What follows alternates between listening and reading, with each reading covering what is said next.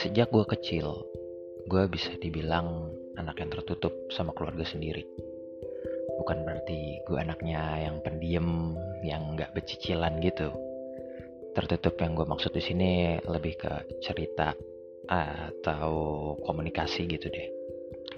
Gue punya semacam perasaan takut untuk dihakimi ataupun dinilai sama orang tua gue atau siapa pun yang ada di keluarga gue.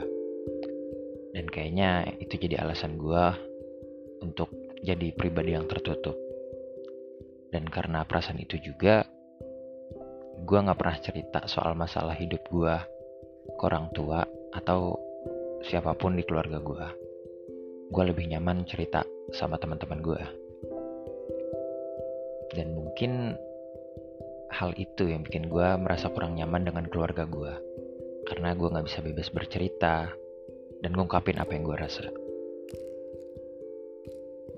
gue lebih suka main ngabisin waktu sama teman-teman di luar rumah ataupun main game sendirian di kamar beranjak masuk ke masa STM um, gue nyebutnya ini STM bukan karena gue bangga tapi karena gue selalu dikoreksi sama teman gue ketika gue ngomong kata SMA dia selalu bilang gue ngaku ngaku anak STM SMA lu lu kan STM ya jadi di masa STM gue ini gue mulai nemuin pelarian dari perasaan gak nyaman gue itu untuk berada di rumah.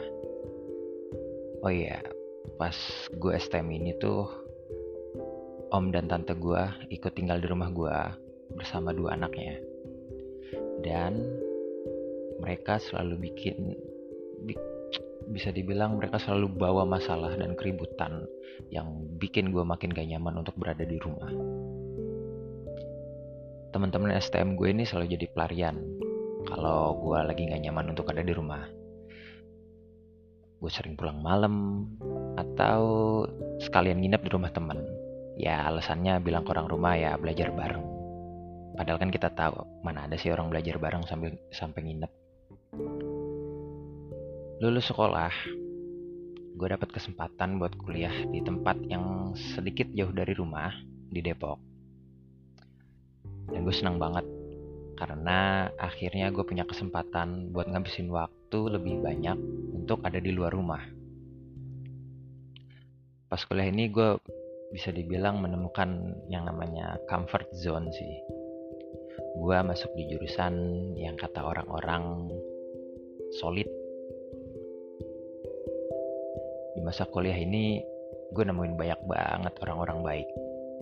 Walau ada sih beberapa yang bangsat. Tapi mereka tetap bikin gue nyaman untuk ngabisin waktu gue di Depok. Kadang sampai lupa pulang ke rumah. Sekitar semester 4 atau 5, gue rada lupa. Gue mutusin untuk ikut tinggal di kontrakan bareng teman-teman gue seangkatan pada saat itu gue benar-benar senang bisa ngabisin waktu bareng mereka untuk tinggal di kontrakan itu. Walau emang kontrakannya gak bagus-bagus banget sih, tapi nggak tahu kenapa ada aja rasa beruntung atau bangga pernah ngerasain tinggal di sana gitu. Bahkan salah satu teman gue ini ada uh, teman gue di kontrakan dia bilang dan dia yakin kayaknya sih kalau kita yang tinggal di kontrakan itu tuh adalah orang-orang dalam ramalan. Beberapa waktu kemudian, gue lulus dari kampus. Rada sedih sih sebenarnya buat ninggalin kehidupan kampus, di mana gue nyaman banget sama kehidupan di situ. Tapi ya kayaknya emang jalannya kayak gitu, yang namanya kuliah ya pasti lulus dan lo bakal pindah ke zona yang lain. Seperti fresh graduate lainnya, gue apply kerja ke beberapa perusahaan. Pada saat itu sempat ada rasa stres dan panik ngelihat teman-teman yang udah kerja. Tapi kok gue masih nganggur gitu. Untungnya gue bisa sugesti ke diri gue sendiri kalau tiap orang itu punya rezekinya masing-masing. sabar, gak usah terburu-buru. Sama pas kayak zaman kuliah, gue tetap banyak ngabisin waktu gue di luar rumah. Hampir setiap malam, gue habisin di luar rumah. Entah itu sama teman rumah, teman SD, SMP, STM, ataupun teman kampus. Sampai pada suatu malam, pas gue baru mau keluar rumah, mau main ke rumah teman gue, ada ayah gue depan rumah. Pas gue lagi ngeluarin motor, ayah gue nyeletuk. Aa main mulu, kapan kerjanya? Gue diem di situ, coba nenangin diri, dan sambil nyalain motor gue bilang ke ayah gue, iya, ntar juga dapet. Pergi dulu ya, assalamualaikum. Tapi di motor kata-kata ayah gue itu menuhin isi kepala gue.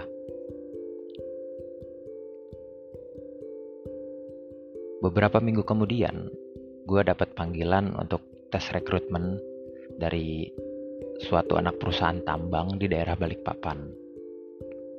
Gue senang banget karena akhirnya punya kesempatan untuk berada jauh dari rumah. Gue kasih tahu info itu ke orang tua gue kalau gue dapat panggilan untuk tes rekrutmen kerja yang nantinya kalau gue lolos gue bakal ditempatin di balik papan ekspresi mereka nggak nunjukin rasa seneng. Mereka kurang setuju kalau anaknya ini kerja di luar rumah. Maksud gue kerja jauh dari rumah. Kamu kan anak cowok satu-satunya A di rumah ini. Mami bilang begitu ke gue. Oh iya, gue dipanggil AA di rumah karena ada keturunan Sunda. dengar jawaban kayak gitu sebenarnya bikin gue dikelilingi perasaan gak nyaman perasaan gak nyaman untuk ngambil pekerjaan itu eng ikut tes itu atau tidak. Tapi pada akhirnya mereka tetap ngizinin gue tes. Walau gue tahu mereka sebenarnya kurang setuju. Progres proses rekrutmen kerja gue alhamdulillah lancar. Gue lolos tesnya dan udah sampai tahap tanda tangan kontrak kerja. Cuma tinggal nunggu kabar aja dari HRD-nya kapan bisa mulai kerja gue langsung kasih tau info ini ke ayah sama mami gue dan gue bisa lihat mereka ikut seneng anaknya akhirnya diterima kerja walau gue tahu mereka sebenarnya ngumpetin rasa nggak rela. Kalau gue harus kerja di balik papan jauh dari mereka. Ya, tapi mungkin emang ini ya namanya restu orang tua. Sampai detik ini, gue belum dapat tuh info atau kabar dari HRD-nya kapan gue bisa mulai kerja di sana. Beberapa bulan kemudian, gue dapat pekerjaan di suatu perusahaan piping dan aksesoris di daerah Jakarta. Ayah sama mami gue senang banget dengar kabar itu. Sampai-sampai hari pertama gue berangkat kerja, mami maksa gue untuk foto bareng di depan rumah. Iya, itu foto yang ada di cover podcast ini. Uh, episode ini maksudnya ngelihat ekspresi mereka bener-bener bikin gue semangat untuk kerja.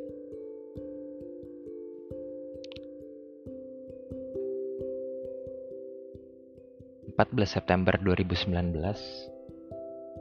...keponakan gue lahir. Gue ngeliat ekspresi ayah gue sama mami gue... ...bener-bener seneng punya cucu pertama. Mereka bener-bener seneng dan gak ngeluh ngurus cucunya ketika dititipin sama orang tuanya. Dan selama ngurus cucunya itu, gue perhatiin mereka gak pernah kelihatan capek. Cuma kelihatan raut wajah yang senang dan bahagia di muka mereka. Ayah sama mami tuh ngelakuin apa pun biar cucunya senang. Sebenarnya gue tahu mereka udah nggak muda lagi dan sebenarnya juga mereka kecapean ngurus cucunya. Tapi mereka ngompetin itu demi ya kebahagiaan cucunya gitu.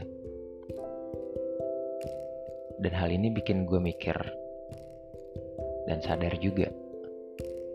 Pas gue kecil ayah sama mami gue pasti ngelakuin hal yang gak jauh beda dari kayak gini. Mereka pasti ngelakuin segala cara biar bisa ngelihat anaknya seneng. Bahkan gue yakin mereka pasti repot banget ngurus gue karena waktu gue kecil gue anak yang sakit-sakitan dan sering dibawa bolak-balik ke rumah sakit karena gue dulu pas kecil punya asma.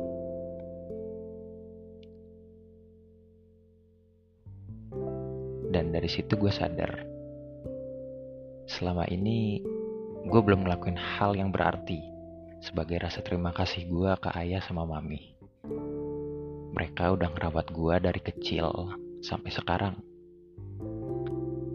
Tapi gue malah lebih banyak ngabisin waktu gue di luar rumah Sekalinya di rumah, gue selalu sibuk sendiri. Gue merasa nyesel. Udah ngabisin waktu gue untuk di luar rumah. Daripada gue ngabisin waktu di rumah gue sendiri bersama mereka. Gak tau kenapa, gue merasa jadi orang yang gak tahu diri aja.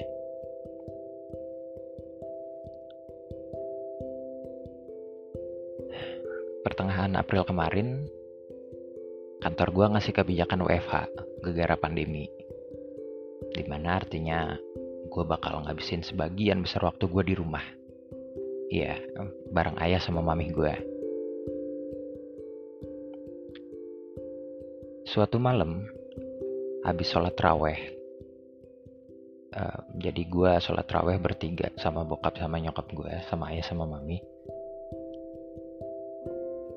selesai traweh mami ngedeket ke kita dan dia bilang Aa sama ayah kita selfie dong.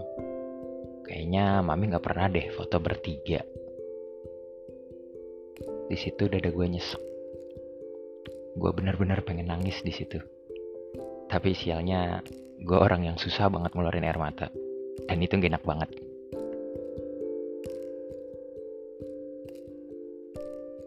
Gue serasa ditegur sama mami. Dan gue ngerasa mami gue nanya selama ini kamu ke mana aja A?